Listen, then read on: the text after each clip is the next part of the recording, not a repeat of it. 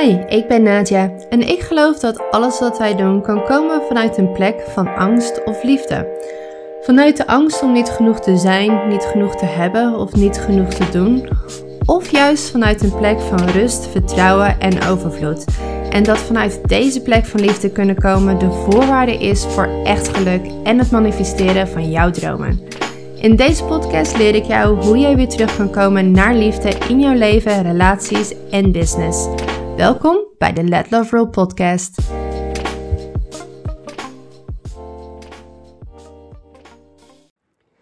Aan het begin van dit jaar heb ik een aantal besluiten genomen.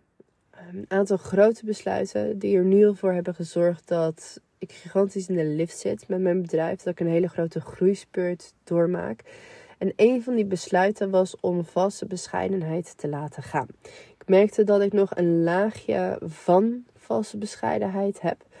Ehm, ik kan bijvoorbeeld wel heel goed claimen: hey, ik ben gewoon heel goed in wat ik doe. Inmiddels kan ik dat gewoon zonder schaamte zeggen. Dat is zo, punt. Dat weet ik. En dat kan ik na acht, na acht jaar dit werk en deze resultaten zien, kan ik dat nu eindelijk zeggen. Maar er zaten nog een aantal lagen van hoe laat ik dat maar een beetje verbergen en een beetje verbloemen. En één daarvan was mijn anders zijn. Ik weet al van heel jongs af aan dat ik anders ben. Dat ik eigenlijk fundamenteel anders bedraad ben. Dat ik de wereld anders zie. Dat wat voor mij logisch is, voor anderen totaal niet logisch is. En wat voor anderen heel erg logisch is, voor mij totaal niet logisch is. Ik werk anders, ik denk anders, ik kijk anders naar de wereld, mijn brein werkt anders. En daardoor ben ik heel lastig voor bepaalde mensen. En heb ik me ook als kind zijnde heel lastig gevoeld. Dus als kind zijnde voelde het als iets slechts. Ik ga je daar later ook in meenemen. En nu ik op mijn plek zit waar uh, mijn eigenaardigheden eigenlijk heel erg goed tot zijn recht komen. Want het zijn natuurlijk eigenlijk hele sterke kwaliteiten. Op het moment dat ze juist worden ingezet en je weet hoe je met je valkuilen moet omgaan. Dus nu zie ik het als een kwaliteit. Ik heb ook altijd wel geweten. Oké, ik ben HSP, dat was ook al heel snel duidelijk. Ik zag dingen en voelde dingen die andere mensen niet zagen. En dat vond ik wel makkelijk om te benoemen. Van ja, dat, dat, dat kan ik voelen, dat kan ik, dat kan ik zien. Um, maar ik wist ook dat dat de lading niet helemaal dekte. En de laatste maanden was ik eigenlijk geïnteresseerd in eindelijk een keer kijken naar: oké, maar op welk spectrum zit ik nou eigenlijk? Um, wat, wat is dat fundamenteel anders zijn nou eigenlijk? Ja, het is HSP, maar ik weet dat het niet covert. Um, er zit natuurlijk ook een stukje trauma onder, want er zit ook heel erg een overlap, uh, een overlap in. Is het, is het dan dus gewoon trauma met HSP. Ik wist ook van nee, dit, dat, dat is het ook nog niet helemaal. En ik grapte het eigenlijk altijd een beetje weg. Want ik moest als ik dichter bij mensen kwam of met mensen ging werken, ook mijn ja, anders zijn en mijn eigenaardigheden um, verklaren. En dan zei ik altijd: Oh, haha, ik ben een beetje autistisch. Don't mind me.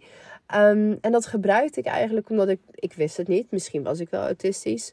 Had ook gekund. Um, maar ik wist dat autisme vaak niet geassocieerd wordt met iets positiefs. Dus dan kon ik mezelf nog een beetje ja, lacherig doen daarover. En ik heb nou, echt wel drie keer door iemand uh, geconstateerd gekregen: joh, je bent hartstikke hoogbegaafd. En ik heb drie keer gezegd: nee hoor, dat kan niet. En ik heb me omgedraaid en ik ben weggelopen nu wilde ik eigenlijk eindelijk een keer weten van, joh, is het eigenlijk echt zo of niet? En waarom ik dat ook niet wilde weten is omdat ik niet hou van labeltjes en je gaan identificeren met die labels. Want ja, stel dat ik hoogbegaafd ben, oké, ja, en, en dan? Wat dan nog?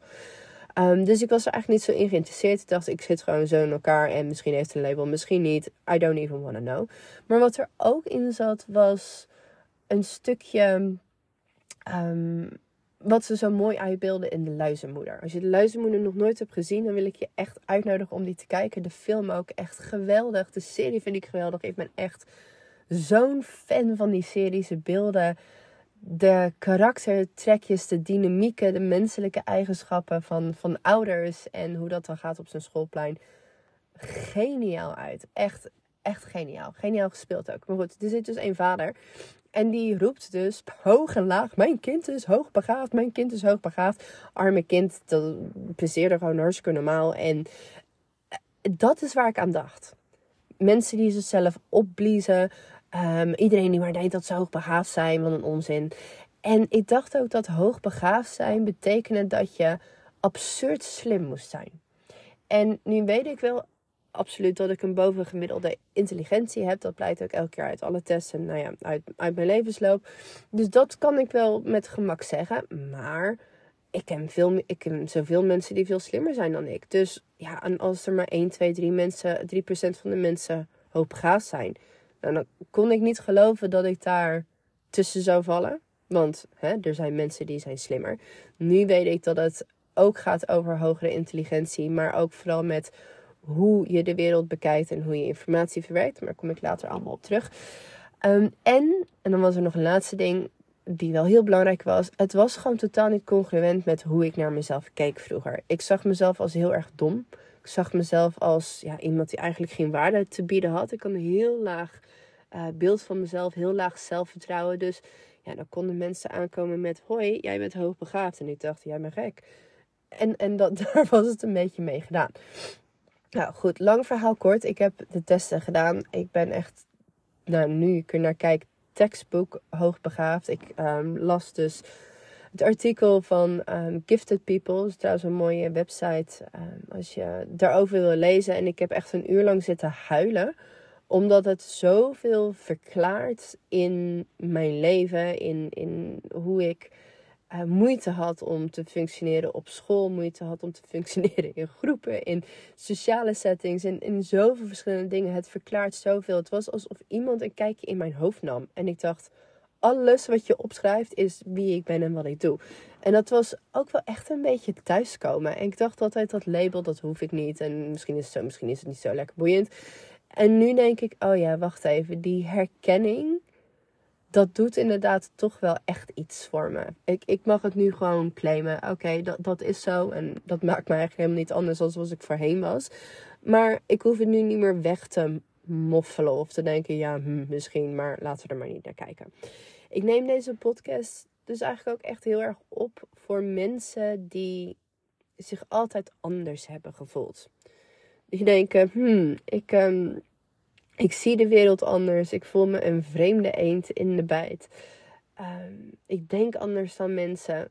Ik vind het moeilijk om te relateren aan mensen. En daar komen vaak ook allerlei problemen uit voort.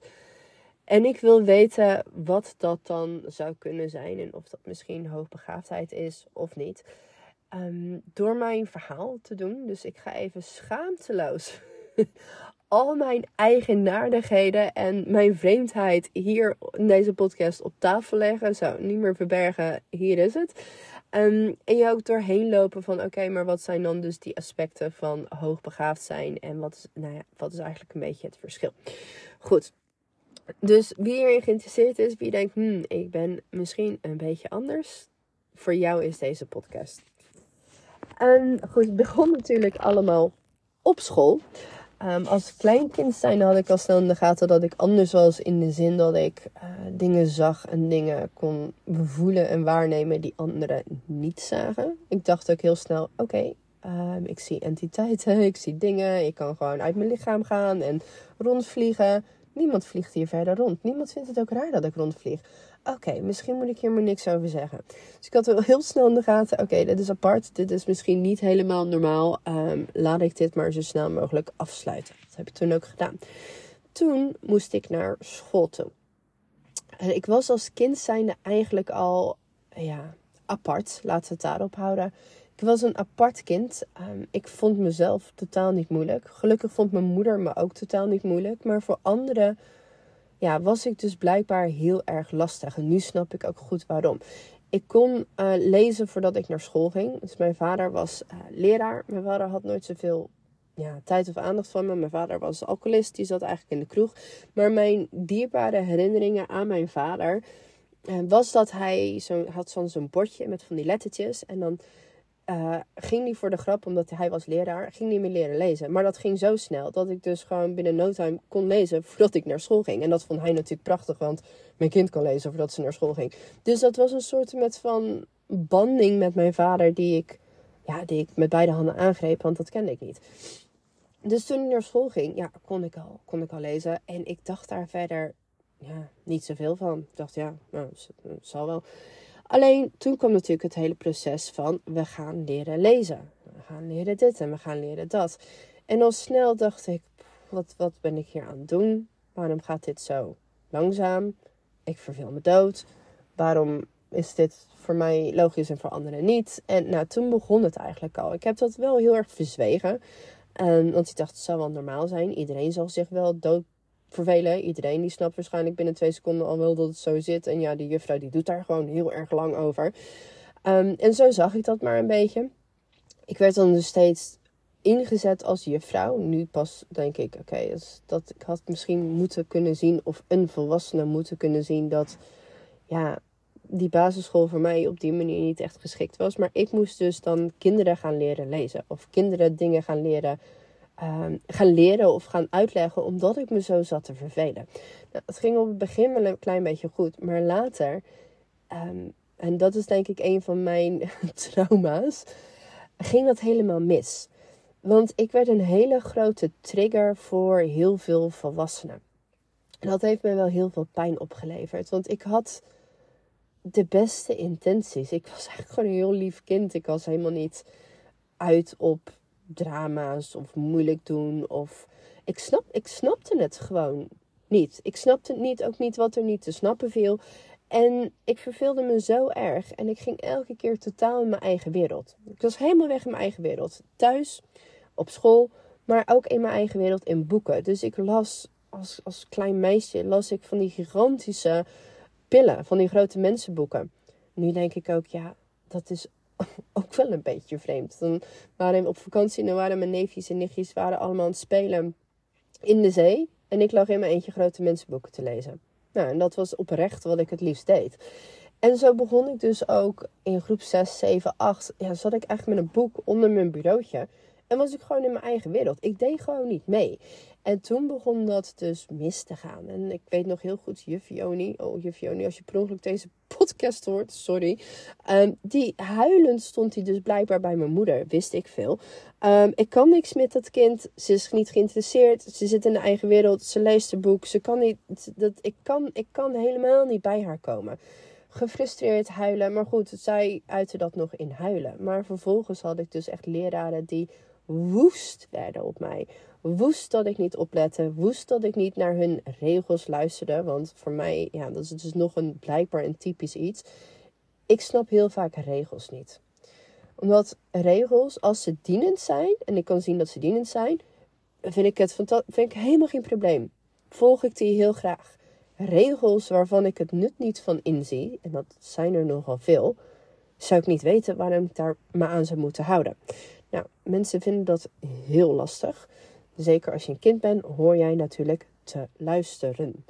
Um, en mijn hang naar autonomie en doen wat voor mij juist is, is extreem sterk. Um, als kind zijnde, nu nog steeds, mijn hele leven is gebaseerd op vrijheid en autonomie.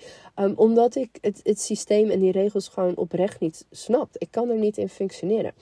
Dus ik kreeg juffrouwen en meesters die tegen me staan te schreeuwen, mijn boek pakten, het raam uitsmeten. En dan probeerde ik op te letten en dan ging ik ze verbeteren. Nou, dat ging natuurlijk helemaal mis. En dat ging dus ook mis met familieleden. Um, en ik begon zelf te geloven dat er iets mis was met mij. Dat ik een rotkind was. Dat ik vervelend was. Omdat ik grote mensen zo triggerde. Die hadden echt, sommigen hadden echt een hekel aan me. En ik begreep het niet. Maar ik dacht, ja, er zal wel echt iets, iets mis zijn met mij.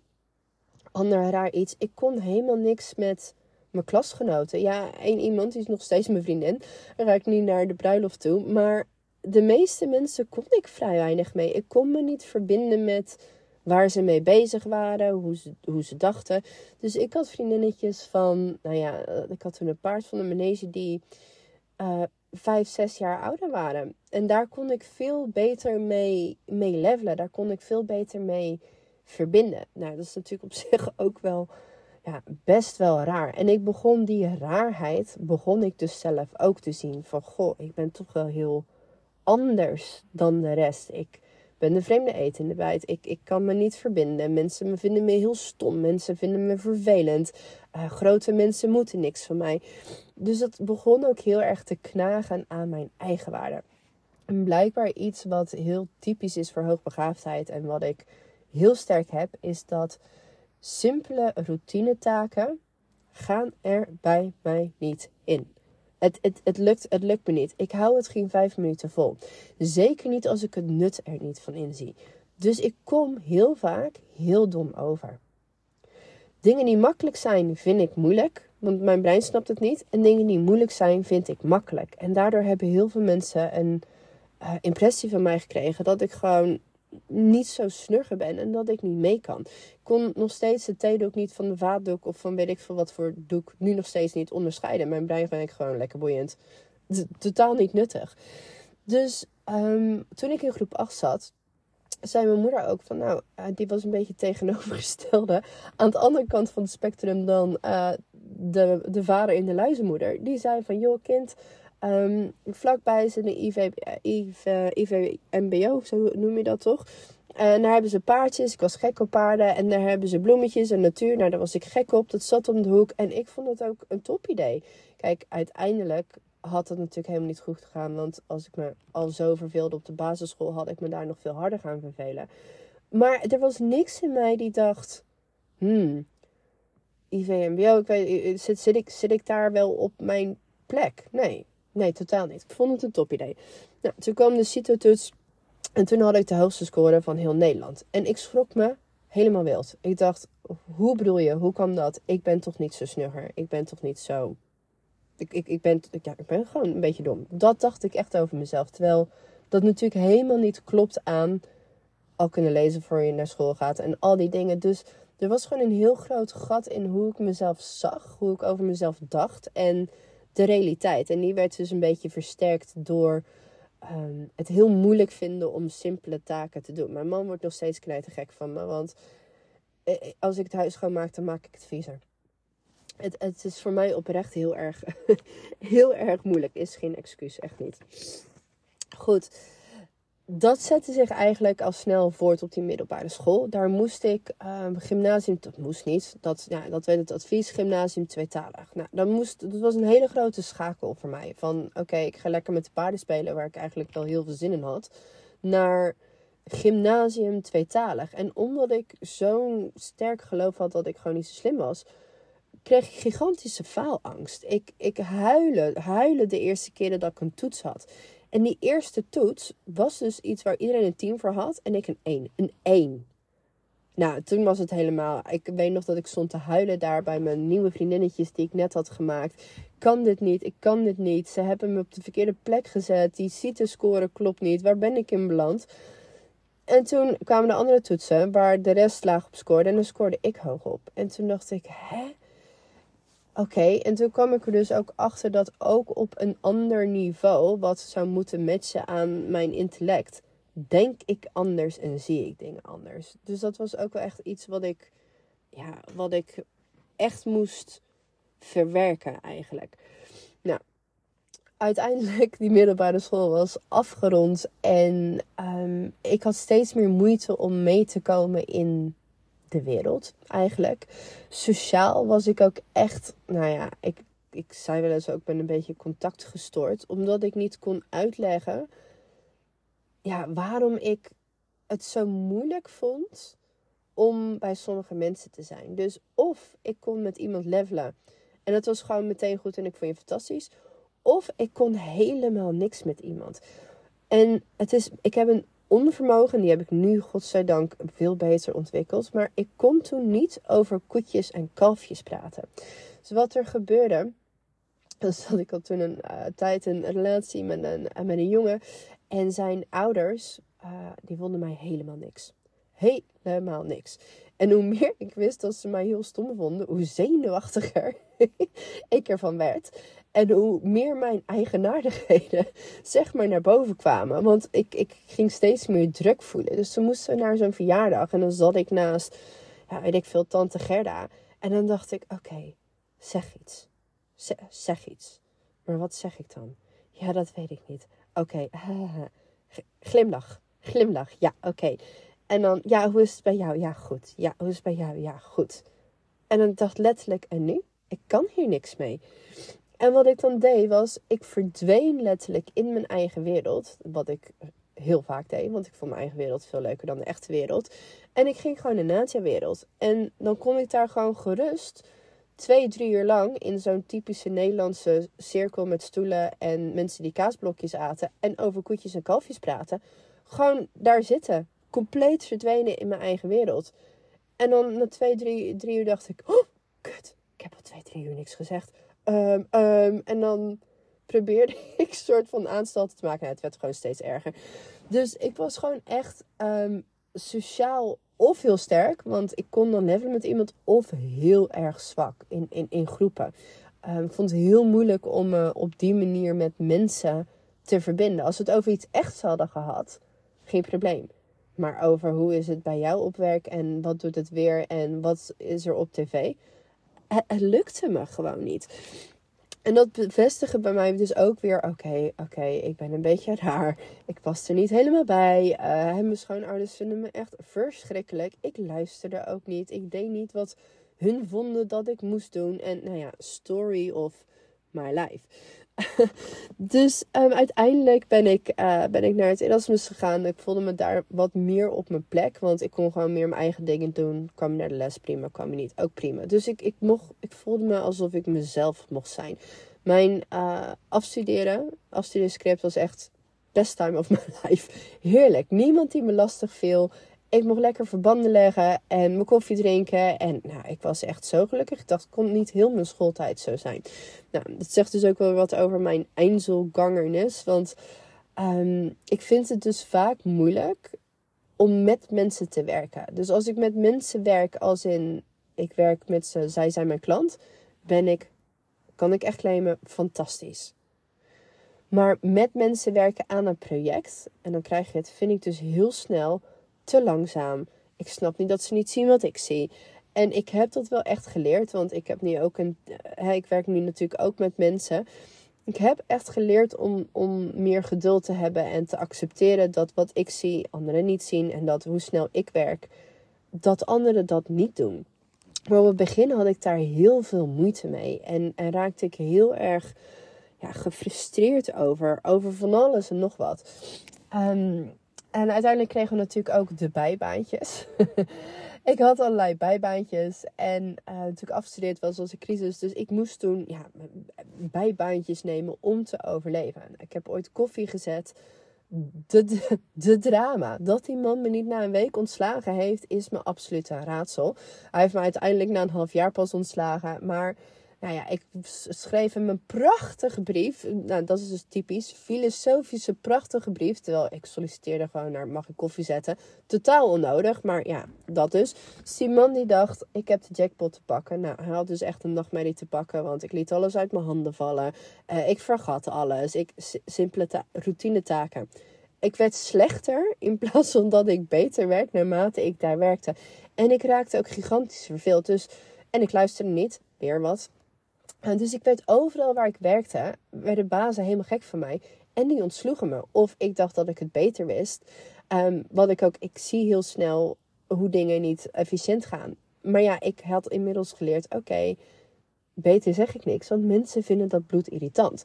Dus ik ging weer in mijn eigen wereld. Nou goed, dus ik kreeg ook heel erg die overtuiging. Ik kan niet voor, ik, ik, niet, ik kan niet voor een baas werken. Want het idee van ondernemen worden, ja, dat, dat, dat had ik echt nooit bedacht. Want ik had nooit bedacht dat ik zoiets zou kunnen. Um, dus ik dacht, ik ben gewoon ergens goed voor. En dus het, het heeft heel erg dat zelfvertrouwen toen aangetast. Toen ben ik een tijdje bij Porsche, zo moet je dat uitspreken. Niet Porsche, nee, nee, Porsche. Honderd keer op mijn flikken gekregen. Bij Porsche gaan werken. En dat was eigenlijk fantastisch, want het zat toen naast mijn huis. Dus ik had uh, drie minuten fietsen en ik kon erheen. En ik moest daar een beetje een leuk jurkje aantrekken, glimlachen en koffie zetten. Nou, zoals je al kan raden, dat ging, dat ging even goed. ik vond het wel heel leuk, omdat ik vond het een soort met van casus. De, de mensen bestuderen die daar binnenkwamen, wat natuurlijk allemaal mensen waren die veel geld hadden, een hoge positie hadden, of juist geld geërfd hadden. Of, dus de, hoe mensen daarop reageren, de uh, verschillende versie van entitlement, of juist van, ja, waren toch eigenlijk, helaas vind ik wel rot om te zeggen, bijna alleen maar mannen die ik heb gezien. Um, of ze waren fantastisch, down to earth, nederig. Nou goed, ik vond het fascinerend. Dat gelukkig wel. Maar ja, koffie zetten en de telefoon opnemen ging natuurlijk al snel mis. Want ja, routinetaken. Dus wat deed mijn brein? Ik ben eigenlijk altijd op zoek naar complexe zaken oplossen. Dus mijn hoofd is constant um, verbanden aan het zien. Verbanden aan het leggen. Um, dingen zien die niet kloppen, die anderen blijkbaar niet zien. En ik ben heel erg van de rechtvaardigheid. Uiteindelijk heb ik natuurlijk mijn PhD uh, gestart, niet afgemaakt, in um, ethiek. Dus ik kwam erachter, super random, dat Unilever een product verkocht was toen een boter waar ze een bepaalde marketing voor deden. Dat het was gewoon een leugen. Ze, dat vind ik dus heel moeilijk. Ze logen keihard. En ze zeiden dus, het ging over je hartvaten, B-cel. Um, dat, gaat, hè, dat gaat je beter maken, maar voor gezonde mensen maakte het ze ongezonder. Dus ik ging me daar, vraag me niet hoe ik bij die boter kwam. Maar ik, ik was toen ook wel heel geïnteresseerd in, in eten en wat het met je doet, omdat ik altijd ziek was. Ik ging me daarin verdiepen. Nou, en dat liep helemaal uit de hand. Op een gegeven moment waren er uh, professoren bij betrokken die die onderzoeken hadden gedaan. Um, was ik aan het mailen met, met de top van, van Unilever, die mij stront irritant begonnen te vinden. Meneer Balkenende zat altijd bij mij koffie te drinken. En ik vond dat fantastisch, want toen kon ik met Balkenende praten. En die vond mij fantastisch. We hadden het over mijn PhD in bedrijf en ethiek. Dan was ik blij. Dan, dan was ik helemaal, als ik dan de informatie van mensen kon krijgen, dan ging ik heel goed. Maar ja, als ik gewoon mijn glimlach van koffie zette, dan ging het natuurlijk helemaal mis. Nou, Balkenende erbij betrokken. Ik, die mensen van Unilever, die dachten waarschijnlijk, wie is dat wijf en hoe komen we van haar af? Um, maar dan was ik dus al die onderzoeken aan het lezen en dan kwam een collega aan en die zei, oh, ik dacht dat jij gewoon, weet ik veel, de Margriet zat te lezen. Waar ben je mee bezig? Dus ik kan het, lukt me letterlijk niet. En toen dacht ik, en mijn vriendinnen zei ik, en dat is zo erg. En ze liegen en ze doen dit en ze doen dat. En daar kwam ik toen ook achter. They don't give a fuck. En toen dacht ik, hè? Maar waarom maken jullie je daar niet druk om? waarom gaan jullie nog naar de McDonald's? Weet je hoe onethisch zij zijn? Waarom, waarom bestellen jullie nog steeds die boter? Het is geen boter trouwens, het is plastic. En dan, uh, they don't care. En dat vond ik zo moeilijk om te snappen dat dingen waar ik me druk om maakte, omdat ik zag dat het gewoon extreem onethisch was. Nou ja, goed, dat is natuurlijk later gigantisch teruggekomen tijdens um, de coronatijd. Zagen andere mensen niet of ze maakten zich daar oprecht niet druk om. En ik kon dat gewoon niet begrijpen. Nu begrijp ik dus eindelijk dat het ook uh, ja, gewoon een kenmerk is van hoogbegaafdheid. Uh, constant bezig zijn met ethiek en uh, rechtvaardigheid en de wereld beter maken en problemen oplossen. Ik kan dus ook niet op de bank zitten, kwam ik ook pas later achter, want ik dacht, dit heeft iedereen. Ik kan niet op de bank zitten en gewoon nergens aan denken. Mijn hoofd is altijd bezig met verbanden zien. Verbanden leggen. Ook als ik in bed lig. Super irritant. Ik moet echt drie uur. Mag ik nergens naar kijken. Probeer ik niks te consumeren. Zodat dat brein daadwerkelijk kan uitschakelen. Zo niet, dan krijg ik een hyperfocus. Dat is dus blijkbaar ook een kenmerk. Al het andere verdwijnt. Ik word, daarom dacht ik ook altijd, misschien ben ik wel een beetje autistisch. En dat gaat gewoon door in mijn droom. Het, het, het laat niet los. Wat heel ongezond is, want als alles verdwijnt, Um, ja, ik loop gewoon letterlijk tegen dingen aan. Ik vergeet alles. Ik word echt een, een verstrooide professor. Um, en dat, dat is heerlijk toen ik mijn PhD deed en gewoon tussen alle bladen kon zitten. En gewoon ook echt als een verstrooide professor te werk kon gaan. Ik had dat, ik had dat echt jaren kunnen doen. Dat is ook maar mijn PhD start, omdat ik dacht: dit kan ik. Dit vind ik heerlijk. Niemand valt mij lastig en ik mag lekker dit doen. Top, laat, ik dit gewoon lekker doen. Um, maar in het dagelijks leven en als je een partner hebt en als je kinderen hebt, ja, kan dat niet. Dus ik heb echt moeten leren om uh, mijn, mezelf te reguleren en om hyperfocus los te kunnen laten. Omdat ik ook weet dat het vaak voor mij niet helpend is. Dat dat pitbull brein die zich dan vastbijt. En dat moet, moet, moet, moet alles dan begrijpen. En dat, ik kan daar dan ook bijna niet mee stoppen. Um, ja, het schijnt dus ook, um, schijnt dus ook een kenmerk te zijn.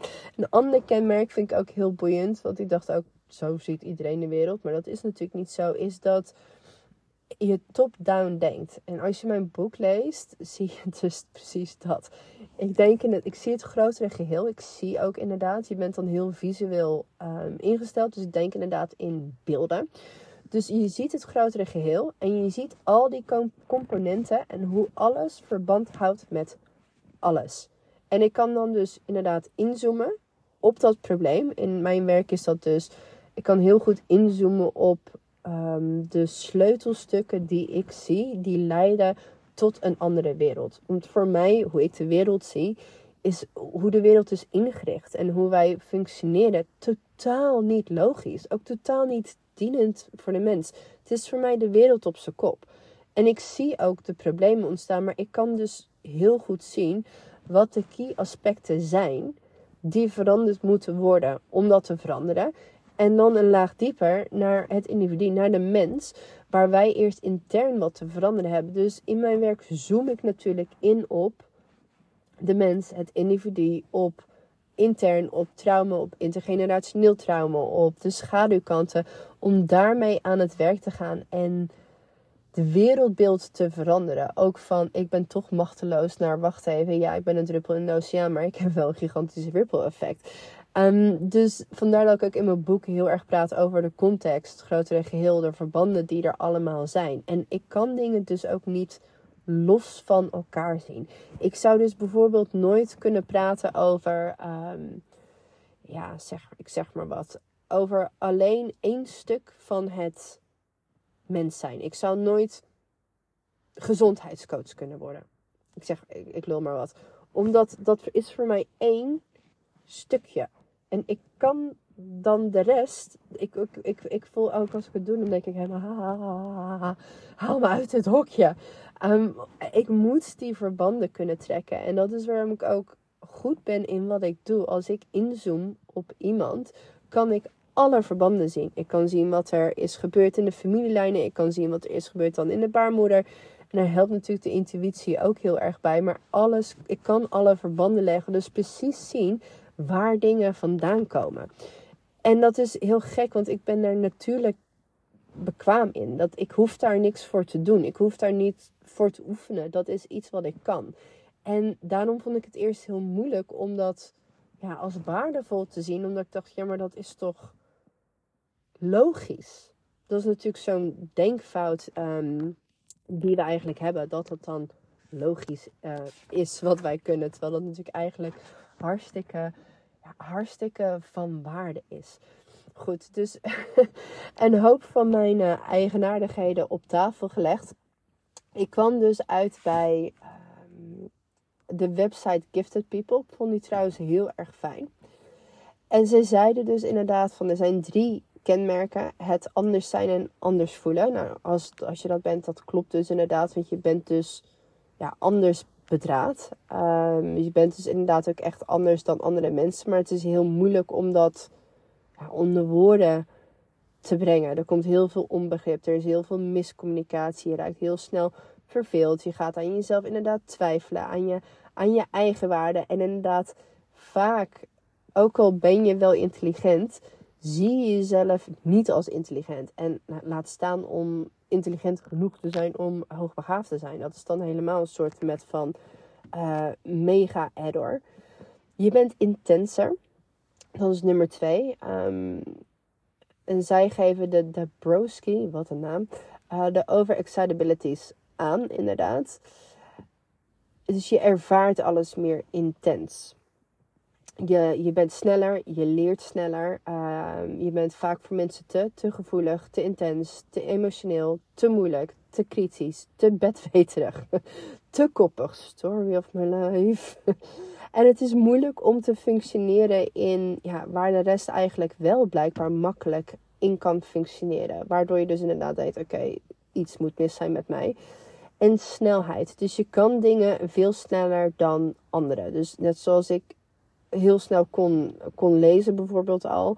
Zo ontwikkel je je sneller. En daarom is het ook moeilijk om het contact te maken als kind zijnde met, uh, met leeftijdsgenootjes.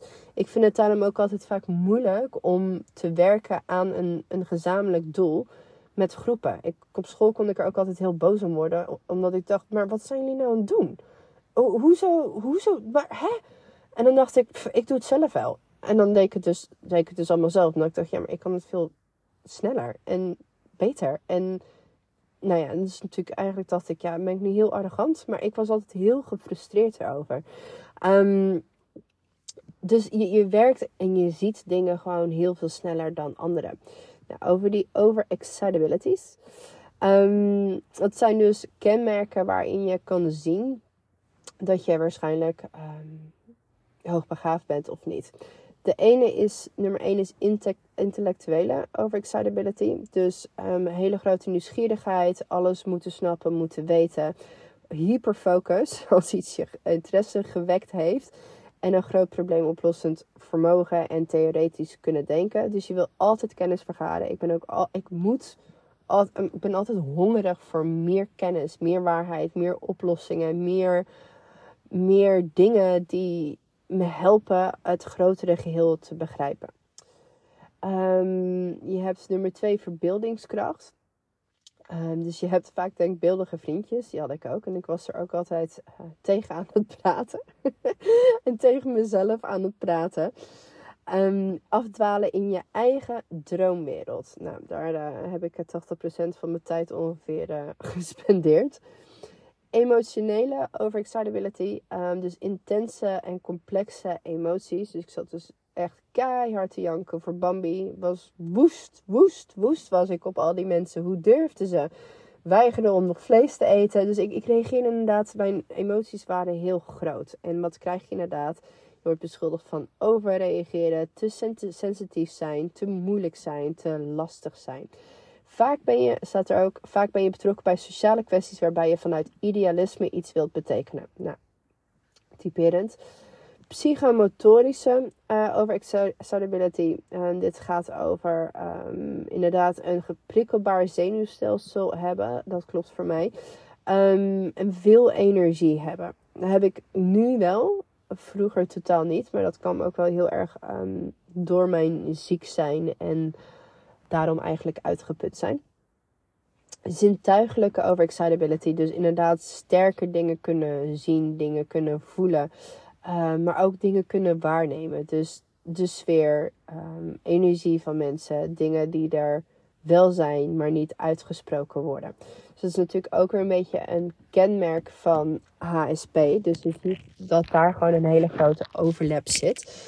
En het grootste verschil is uh, met HSP en met hoogbegaafd zijn, dus ik blijk dus allebei te zijn, is dat um, hoogbegaafdheid heeft dus het intellectuele aspect. Dus dat je bovengemiddeld intelligent bent en dat je dus informatie anders verwerkt. Dus nogmaals, top-down, je kan het grotere geheel zien en vandaar kan je eigenlijk inzoomen.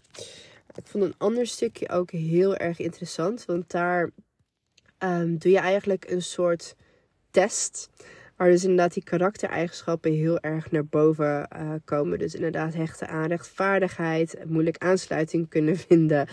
Uh, altijd vooruitlopen op mensen of vooruitdenken. Te veel zijn voor mensen, overprikkeld, snel burn-out, depressie. Daar ben ik ook in, in terecht gekomen. Moeilijk om simpele activiteiten te doen. Zeker als je er het nut niet van inziet. Die afwas die gaat nog steeds niet helemaal lekker. Perfectionisme moeilijk te verbinden met mensen.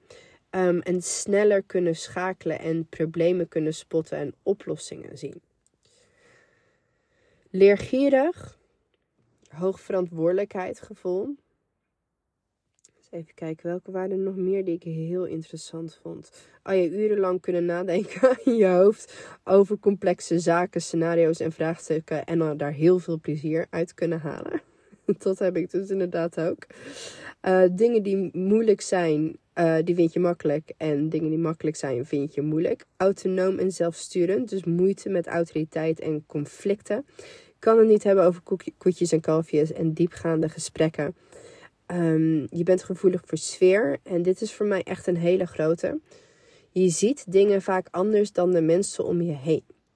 Waar zij rechts gaan, zie jij dat links eigenlijk beter zou zijn. Je ziet problemen en kansen die voor jouw dierbare collega's en leidinggevenden niet te snel te bevatten en of te begrijpen zijn. En voor mij is dat ook wel een, een van de pijnpunten geweest, omdat ik heel vaak het gevoel had dat niemand mij kon horen of kon zien.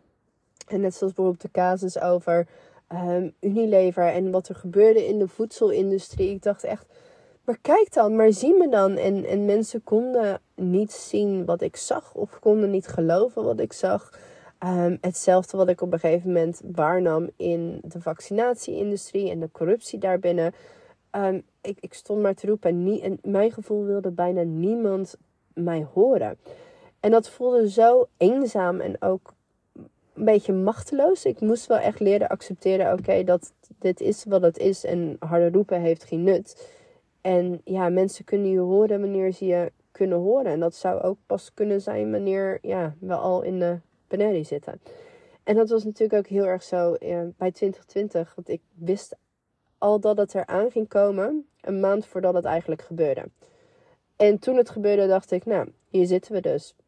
Toen heb ik ook heel snel een podcast erover genomen van dit is waar we in zitten, dit is wat, we gaan, dit is wat er gaat gebeuren. En dat was ook precies wat er ging gebeuren.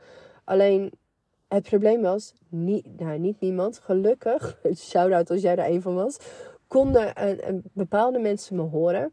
Maar heel veel mensen dachten dat ik knijt gek was, inclusief mijn vriendinnen. Die zeiden ook na het, ben ik gek. En gelukkig, uh, twee jaar later, wordt er ook wel op teruggekomen van... Oh ja, sorry, ik dacht dat je een beetje gek was geworden. Maar ja, alles wat je zei is inderdaad gebeurd. En ja, goed, wat hebben we er uiteindelijk aan? Want het leuk voor mijn ego. Maar ja, liever dat het niet was gebeurd. Of liever dat we het hadden kunnen voorkomen. Dus het is ook wel accepteren dat je dingen sneller ziet. Maar dat mensen je op dat moment niet kunnen horen. En dat vind ik, ja, vind ik wel echt... Ehm, moeilijk. Heel moeilijk, nog steeds. Maar dat is wel iets waar ik ja, gewoon meer en meer acceptatie um, op heb leren krijgen. Nou goed, heel verhaal. Um, ik hoop dat als je, ja, als je hier naar luistert en denkt: Oh my god, dit, dit herken ik, of dit voel ik ook, of dit zie ik ook zo. En misschien had je een bepaald beeld van hoogbegaafdheid die nu veranderd is. Misschien herken je je in mijn verhaal. Um, ik vond de Gifted People uh, website heel fijn. Er zijn allerlei testen die je kan doen. Kijk, ik zou dat ook eventjes in de um, notes zetten. Welke test ik uiteindelijk heb gedaan. En de website. Dus mocht je dat willen testen, dan uh, kan dat daar. Maar ik denk eerlijk gezegd dat als je het vermoeden hebt. En jezelf hier volledig in herkent. Dat je eigenlijk ook wel kan vaststellen dat het waarschijnlijk het geval is. Ik hoop dat het helpend was. En voor mij is het een, uh, een, een, mini uh, coming out van de eigenaardige persoon die ik daadwerkelijk ben. maar nee, het is ook een stukje thuiskomen. En het is ook een stukje gewoon echt kunnen claimen hoe ik in elkaar zit. Uh, met mijn valkuilen, want die komen er natuurlijk ook absoluut bij kijken. En de kwaliteiten die het